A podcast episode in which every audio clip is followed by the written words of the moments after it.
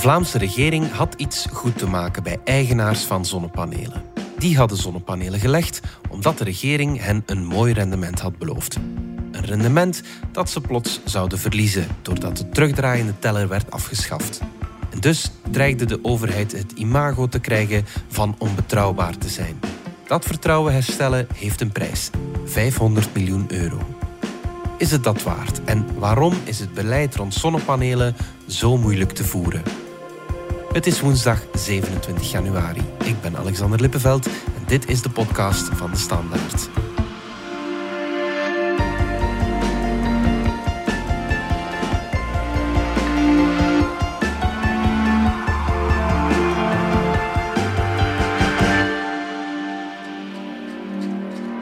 U heeft gekozen om een gok te wagen. Een gok waarmee u duizenden gezinnen in een doodlopende steeg geleid heeft. En een gok waarvoor we voor de dienstnaverkoop van daarvan nu de Vlaamse belastingbetaler ten beloop van 500 miljoen euro gaan laten opdraaien. Een half miljard. Dat we anders misschien hadden kunnen besteden aan energiezuinige woningen, vooral diegenen die zich geen zonnepanelen kunnen veroorloven. Wim Winkelmans van onze politieke redactie. We hoorden even Bruno Tobak van de SPA vorige woensdag tijdens het politiek debat over de zonnepanelen in het Vlaams parlement. Want laat het ons maar meteen stellen, het is wel een duur soepje geworden, dat met die zonnepanelen. Ja, het is ook een soepje. Het is echt zo een type voorbeeld van het eh, stop-en-go-beleid dat is gevoerd met die zonnepanelen. Mensen lokken met voordelen, dan worden er alle mogelijke achterpoortjes of voordeuren geopend om het voordeel te maximaliseren. En ja, dan loopt het uit de hand. Hè. Ja, je zegt uit de hand gelopen. Geef eens een voorbeeld. Maar het is vooral zo rond 2011 behoorlijk uit de hand gelopen. Mhm. Toen waren zonnepanelen plots een stuk goedkoper, omdat we Chinese import kregen. Mhm. Maar de subsidies daalden niet mee. Toen, is er in politiek nog uh, lang gediscussieerd over uh, hoe hoog die subsidie dan nog mocht zijn en hoe dat die niet omlaag moest. En toen men eindelijk had beslist van oké, we gaan de subsidie verlagen, was het al veel te laat. Toen hadden duizenden mensen zonnepanelen gelegd met rendementen van boven 10% of zo. Het nieuwe probleem is nu dat eigenaars van zonnepanelen natuurlijk graag hun elektriciteitsmeter zien terugdraaien op het moment dat de zon schijnt en ze meer energie produceren dan dat ze verbruiken. Hè? Ja, want dan kunnen ze het elektriciteitsnet gebruiken als gratis batterij. Als hun uh, eindverbruik nul is, dan betalen ze bijna niets. Ja, Alleen dat is wel een manier van werken waar grenzen aan zijn. Ik mhm. geef een voorbeeld. Als er ergens in een wijk 50 huizen staan en al die 50 huizen hebben hun bak volgelegd met zonnepanelen en het is uh, mei, juni, de zon schijnt volop, mm ja, dan uh, gaat die elektriciteitskabel die daar in de grond ligt het niet trekken. Mm dus daar moet Omdat er te veel, dan, gewoon te dan, veel dan wordt er te veel geïnvesteerd. Dan is er een uh, piekbelasting die het net um, in gevaar brengt. Om okay. dat op te lossen zou er dan extra moeten worden geïnvesteerd in dikkere kabels. Maar dat kost allemaal zeer veel geld. Dan is het misschien beter dat we een beetje opletten wanneer we elektriciteit verbruiken, zodat we piekbelastingen of uh, piekverbruik uh, tijdens om zes uur s'avonds, wanneer iedereen de oven opzet en uh, de wasmachine enzovoort, dat we dat een beetje spreiden. Ja, oké. Een beetje, um, een beetje als, zoals vroeger, de molenaar, ja, -hmm. die moest ook zijn molen gebruiken wanneer de wind waaide. Hè? Ja, voilà. En dan zei hij, oké, nu moet ik absoluut graan malen. Het probleem is dat zonnepanelen energie maken op het moment dat wij aan het werk zijn of niet thuis zijn, de wasmachine niet aanzetten enzovoort. En uh, wanneer dat wij wel energie verbruiken, wel elektriciteit verbruiken, ja, dan schijnt die zon niet meer of staat ze al heel laag. Mm Daar zijn dus echte limieten aan. Ja, ja, ja. En gaat die digitale meter waar nu van gesproken wordt, die meter die niet meer terugdraait, gaat die dan een oplossing daarvoor vormen? Ja, er zijn eigenlijk twee soorten argumenten voor een digitale meter. Mhm. Het ene is een nogal simpel, namelijk die oude meter met die platte schijf die kon terugdraaien. Ja, mhm. Die wordt niet meer gemaakt, dus we kunnen die niet, uh, niet meer installeren. Hè? Dat is één. Ja. Twee, een digitale meter maakt het mogelijk om gedrag te sturen. Dus je kunt mensen een prijsstimulans geven, zodat ze energie verbruiken wanneer die goedkoop is En niet gebruiken wanneer die duur is. In dit geval uh, om zes uur s avonds, wanneer dat iedereen aan het koken is. En er dus een grote vraag is naar energie, zou die elektriciteit duurder zijn dan om uh, twee uur in de namiddag, terwijl wanneer er heel veel zonne-energie is bijvoorbeeld, uh, maar mensen niet thuis zijn. Mm -hmm. die, op die digitale meter die kan een verbruik factureren uur per uur. Dus die zegt om één uur kost uw elektriciteit zoveel, om twee uur kost die zoveel enzovoort. Die terugdraaiende teller die komt er hoe dan ook op een bepaald moment. Europa wil hem, de regulator wil die meter, de netbeheerder wil die meter en tal van innoverende Vlaamse bedrijven staan er ook op te wachten. Dat was Willem Frederik Schils van Open VLD. Hij gelooft in die digitale teller. Die moet er komen, maar eigenlijk wordt daar niet heel veel over verteld. Hè. Dat, dat klinkt allemaal wel heel positief, vind ik. Die digitale meter, wat die kan en dat differentiëren van die prijs uur per uur? Uh, heeft waarschijnlijk ook te maken met uh, het feit dat mensen uh, bang zijn voor het onbekende. Mm En dat principe van de terugdraaiende teller, uh, dat kennen ze nu en dat werkte voor hen. zoals ik heb uitgelegd zijn daar ook grenzen aan. En die digitale meter is een totaal ander systeem. Uh, waar dat sommige mensen een voordeel kunnen uithalen, maar ook heel vele niet.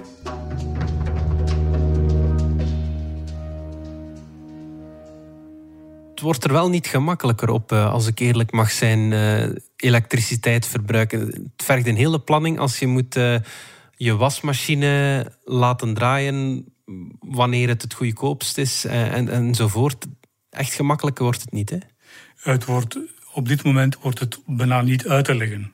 Dus er is dringend nood aan een soort ontzorging, automatisering, waar apps die dat voor u bepalen wat interessant is en wat niet.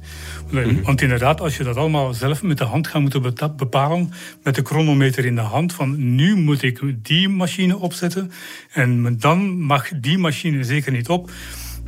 Ja, dan loopt iedereen eh, rond als een kip zonder kop. Dat kan niet de bedoeling zijn. Dit is een, eh, een systeem in overgang. Laat ons hopen dat het iets makkelijker wordt wanneer dat we meer uh, toepassingen hebben die daarop zijn afgestemd. Slimme wasmachines en zo, zeg maar dan. Uh... bijvoorbeeld. Of een app die zegt: ik krijg net een signaal via mijn digitale meter dat elektriciteit goedkoop is. Ja. het volgende anderhalf uur. Dus ik zet nu de wasmachine op. Ja. Dat zijn allemaal investeringen en ook dat zullen mensen niet graag zien. Hè? Nee, nee, Want zij zijn gewend aan een systeem dat eigenlijk redelijk ontzorgend was. Hè? Mhm. Het nieuwe systeem is dat op dit moment helemaal niet. Hè? Er zijn uh, bepaalde oplossingen die je kunt overwegen nu. Bijvoorbeeld mhm. investeren in een batterij. Maar dat zijn bijkomende investeringen en geen goedkope investeringen. Die bovendien zo duur zijn dat ze uh, op dit moment niet echt rendabel zijn. En hoe, hoe duur is dat dan, zo'n batterij? De batterij, de meest bekende is die van Tesla, Powerwall 2. En die kost uh, installatie enzovoort inbegrepen 9000 euro. Ja, bon. Dan, dan... En dan heb je een batterij van 13,5 kilowattuur. Mm In de zomer is die in één dag vol, hè, voor heel veel installaties. Oké, maar nog eens, als je een terugdraaiende teller hebt, dan heb je eigenlijk geen batterij nodig. Je kunt het te veel aan energie dat je zonnepanelen opwekken, op het net zetten en later, wanneer je elektriciteit nodig hebt en de zon gaan slapen is, haal je die elektriciteit gewoon weer van het net. Zo goed als gratis. Het enige wat je betaalt is het zogenaamde prosumententarief.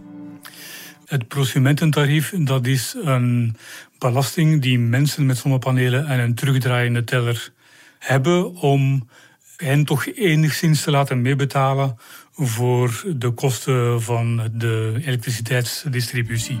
Mm Ja. Want nu, als men terugdraaiende meter en je hebt eindverbruik nul, dan zou je eigenlijk twee keer het net hebben gebruikt. Eén keer om het elektriciteit op te zetten, één keer om het eraf te halen. Maar je zou nul hebben betaald aan het net, dat zou dan iemand anders moeten betalen. Ja.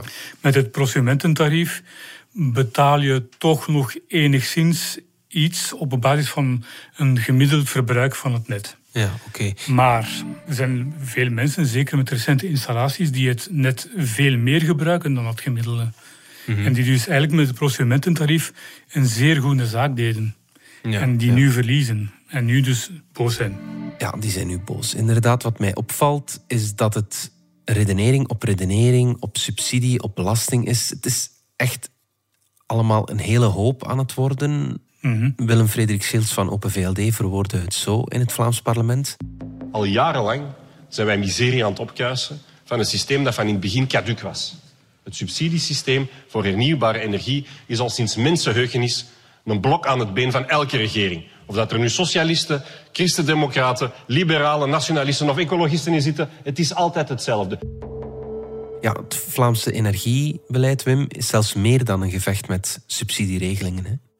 Het echte probleem mm, en de koterij in de energiewereld is die van alle mogelijke lasten op de elektriciteitsfactuur. Uh, lasten voor zonnepanelen, de, het betalen van zonnepanelen uit het verleden. Maar ook zelfs de, de, de, lampen langs de straat, die worden via de energiefactuur verrekend. Hmm. Mocht men daar een keer het mes inzetten en dat een beetje rationaliseren, dan uh, zou één, de elektriciteitsprijs uh, dalen. Mm Twee, het zou interessanter worden om zonnepanelen te zetten, want dan kun je die ook uh, in verhouding rendabeler verkopen wanneer de zon te hard schijnt. Mhm. Maar dat is wel, een, en dat is dan ten derde, een zeer moeilijke operatie. Waar dat altijd de winnaars en verliezers bij gaan zijn. En die verliezers die gaan ook niet content zijn. Hè. En wat betaal ik dan allemaal met mijn elektriciteitsfactuur? Een van de problemen, en de fundamentele problemen, is dat de elektriciteitsfactuur vandaag zo complex is dat een kat er haar jongen niet uh, zou in terugvinden. En mhm. veel van die vakken die daarin zitten, die hebben weinig of soms niets met energie te maken. Mm -hmm. voor 1000 kilowattuur heb ik hier iemand 255 euro per jaar. Mhm. Hoeveel pure elektriciteit eh, heb, heb ik daarmee betaald? Ja, dat is mhm. maar 87 euro. Okay. Dus van die 255 euro is maar 87 euro elektriciteit. Dus het leeuwendeel... 156, ja. 156 euro zijn nettarieven. Mm 11 euro zijn allerlei heffingen. Een kluwen, met andere woorden. Ja, bij die heffingen zitten dan... Uh, die lampen uh, langs de weg zitten daarin. Daar zitten voor een groot deel de groene stroomcertificaten in. Uh, Daar zit BTW in. Daar zit een kostprijs in voor het gebruik van het hoogspanningsnet enzovoort. Dus dat is allemaal, allemaal samen.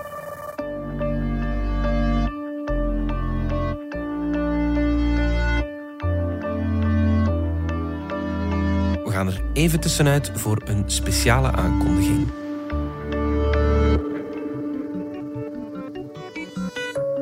Standaard lanceert in samenwerking met de Universiteit Antwerpen Curieuze Neuzen in de Tuin.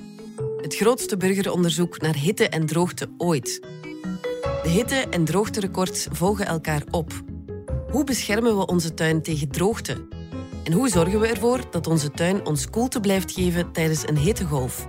Net dat onderzoekt Curieuze Neuzen in de Tuin. En we doen dat samen met u.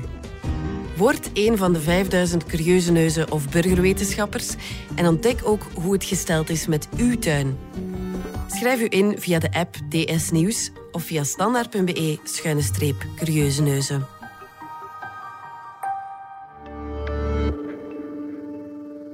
Nog even terug naar die digitale meter. In het Vlaams parlement is niet iedereen overtuigd en gaan er zelfs stemmen op om de uitrol van die meter te vertragen. Hè? Uh, ja, PvdA heeft gevraagd om de uitrol van een meter niet verplicht te maken voor iedereen. Mm Voordien hebben we trouwens ook uh, Groen en SPA dan al gedaan. En minister Demir heeft gezegd: ja, uh, we gaan even op de pauzeknop drukken uh, het stof laten gaan liggen en dan uh, we, kunnen we zien hoe het verder moet. In elk geval, mensen met zonnepanelen en die nu nog een analoge meter hebben, die zullen niet op de eerste rij staan om uh, straks een digitale meter te krijgen. Ja, dat wil dus ook, langer ja, dat wil dan ook zeggen, van het voordeel. Ja. Langer genieten van het voordeel. Dat betekent dan ook dat de compensatie die de Vlaamse regering heeft beloofd, voor hen mhm. ook lager zal zijn.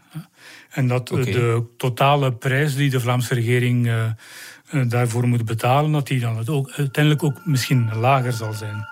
Afgelopen vrijdag kwam er toch nog goed nieuws voor eigenaars van zonnepanelen. Er kwam een tegemoetkoming. Leg dat eens uit hoe dat in elkaar zit. Er heeft iemand op het kabinet uh, zich een hele week moeten buigen over cijfers. Die moesten om per jaar te berekenen hoeveel compensatie moeten die mensen krijgen om op het einde van de rit, en dat is dan na 15 jaar, een rendement van 5% te bereiken.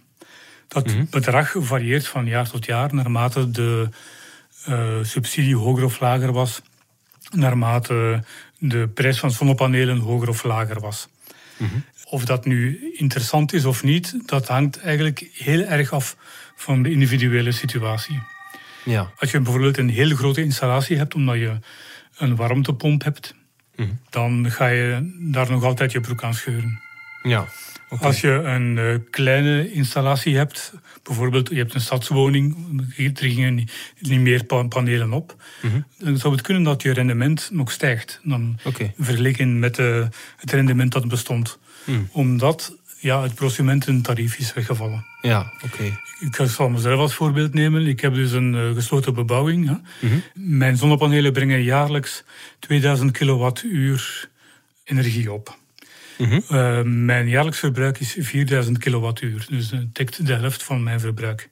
Okay. Zoals ik het nu heb berekend, eh, zou ik ongeveer 1000 kilowattuur per jaar zelf onmiddellijk moeten verbruiken om mhm. op hetzelfde rendement uit te komen als met een analoge meter. Als ik hoger ga, als ik naar 30% ga, dan doe ik zelfs een voordeel. Hoeveel heeft de Vlaamse regering dan uitgetrokken om de eigenaars van zonnepanelen te compenseren voor het verlies aan rendement wanneer ze hun terugdraaiende teller verliezen? In totaal kan dat oplopen tot 580 miljoen euro. Hoeveel het precies zal zijn, ja, dat zullen we nu moeten afvangen. Want uh, minister Demir heeft de pauzeknop ingedrukt. Één, en twee, de volgorde van uitrol van uh, de digitale meter ter discussie gesteld. Dus we zullen dan moeten zien hoeveel het mhm. uiteindelijk is. Maar voorlopig gaat het om 101.000 eigenaars van zonnepanelen en een digitale meter die moeten gecompenseerd worden. Dat zijn bijna allemaal mensen die met zeer recente installaties. Hè. Mm Er zijn in totaal iets van 570.000 gezinnen met zonnepanelen op hun dak. Mhm. Die anderen die hebben dus nu allemaal nog een analoge meter. Die moeten vroeg of laat ook een digitale meter krijgen. Alleen wanneer Vraagteken. Laten we even teruggaan naar het Vlaams parlement. U hoort achtereenvolgens Bruno Tobak van de SPA, Andries Griffroy van de NVA en Bjorn Joska van Groen. Want dat is de echte tragedie achter deze shitshow natuurlijk. Hè. Dat is dat voor een duurzame transitie we de hulp nodig hebben van alle burgers, maar dat u het vertrouwen van die Vlaamse burgers in hun regering te grabbel heeft gegooid. U heeft de Vlaamse regering, de Vlaamse overheid gereduceerd tot een loese verkoper wiens verhaal je zelfs na het lezen van de kleine lettertjes niet meer durft geloven. Het is immers aan een overheid om te zorgen voor rechtszekerheid en betrouwbaarheid. En dat betekent dat de gezinnen financieel gecompenseerd dienen te worden, weliswaar zonder overcompensatie. Dit systeem moet stoppen. Dit schaadt ons allemaal. Dit schaadt de politiek. Maar vooral, dit doet het draagvlak voor hernieuwbare energie afbrokkelen. En u draagt, beste Vlaamse regering, een verpletterende politieke verantwoordelijkheid. Ze kloppen allemaal op dezelfde nagel. De Vlaamse regering heeft het vertrouwen van de burger geschaad. En om dat te herstellen is ruim 500 miljoen euro nodig. Gaat dat genoeg zijn, Wim? Ik denk uh, dat dit uh, zal blijven hangen. Hè? Mhm. Dat is één. En twee, ja, mensen willen altijd een zwarte piet. En die mhm. is in deze al uitgedeeld. Dat zal Bart Ommelijn zijn. Mm ja. Hoewel dat in, in zekere zin ook niet helemaal terecht is. Want Tommelijn heeft inderdaad wel gezegd, ik zal garanderen dat het rendement van het terugdraaiende teller uh, blijft. Hè. Mhm. Maar toen dat bleek niet uh, te lukken, heeft hij ook, ook gezegd, ja maar dan rol ik die digitale meters gewoon niet uit. En uh, op een bepaald moment heeft hij ontslag genomen in 2018 als minister van Energie en is hij burgemeester van Oostende geworden. En het is na hem dat het parlement dat dossier naar zich heeft getrokken nog een kleine 80 amendementen heeft doorgevoerd. En dan gezegd van, dit is het dan. En we doen het toch.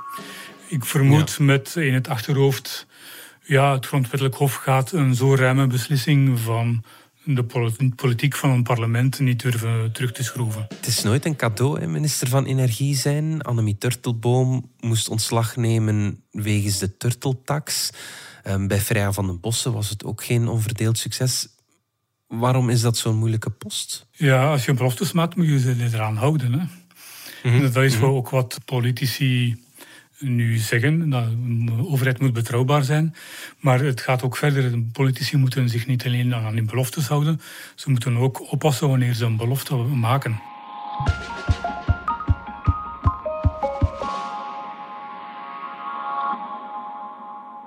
Ik denk in dit dossier dat de politiek vooral nederig moet zijn en bescheiden moet zijn. Dat de overheid hier toch wel een slechte beurt heeft gemaakt naar zijn burgers, dat we dat met z'n allen moeten erkennen ook. En dat we vervolgens ook in dit dossier met z'n allen in de spiegel moeten kijken, dat we dat ook moeten doen. En dat we vervolgens naar oplossingen moeten gaan, volledig mee eens. En dat die oplossingen voldoende juridisch moeten zijn en robuust moeten zijn, ook mee eens. Ook minister Zohal Demir weet intussen dat de politici moeten oppassen met al hun beloftes. Dat zei ze vorige week nog in het parlement. Is dat dan zo moeilijk om een realistische belofte te maken? Dit is een wereld in verandering. Hè? Mhm. Niemand had kunnen denken dat zonnepanelen nu zo doorslaggevend zouden zijn. Hè?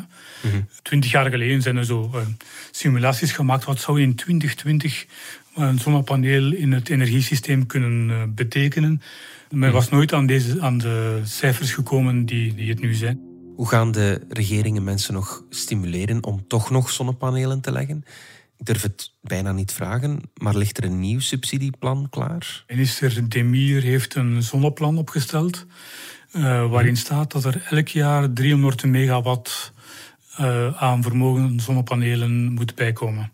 Mhm. Dus op vijf jaar, op het einde van, dus vlak na het, uh, haar regeerperiode, moeten dat er 1500 megawatt extra zijn. Mhm. Dat is toch wel redelijk wat. Dat is zo, uh, vergeleken met wat er nu ligt, is ongeveer 40% erbij. En wat staat er dan in dat zonneplan? Welke subsidies voorziet ze nog voor zonnepanelen in de toekomst? De subsidies zoals die nu bestaan, namelijk 250 eh, euro per kilowatt dat op een dak ligt, met een maximum van 1500 euro. Nu moet ik wel zeggen, hm de prijs van zonnepanelen is enorm gedaald. En zal waarschijnlijk nog blijven dalen. Waardoor dat het ook veel simpeler is geworden om een, eh, een rendabel systeem uit te werken. Dit is nog eens Bruno Tobak van oppositiepartij SPA in het Vlaams parlement. U gebruikt middelen die dienden om te investeren in de toekomst. Die moet u nu gebruiken om recht te zetten wat u verkeerd gedaan heeft in het verleden. Dat is de essentie van deze discussie natuurlijk. En dat is de, de fundamentele spijtige realiteit van heel dit. Dat is dat we nu geld besteden en een half miljard besteden op zo'n manier dat er geen enkele, geen jota hernieuwbare energie mee zal bijgecreëerd worden. Dat is de essentiële discussie in deze en dat is de fundamentele erfenis die je met deze regeling hebt achtergelaten. Nog even over die 500 miljoen, Wim. Want wat de bak zegt is dat het pijnlijk is dat dit geld niet naar investeringen in de toekomst gaat.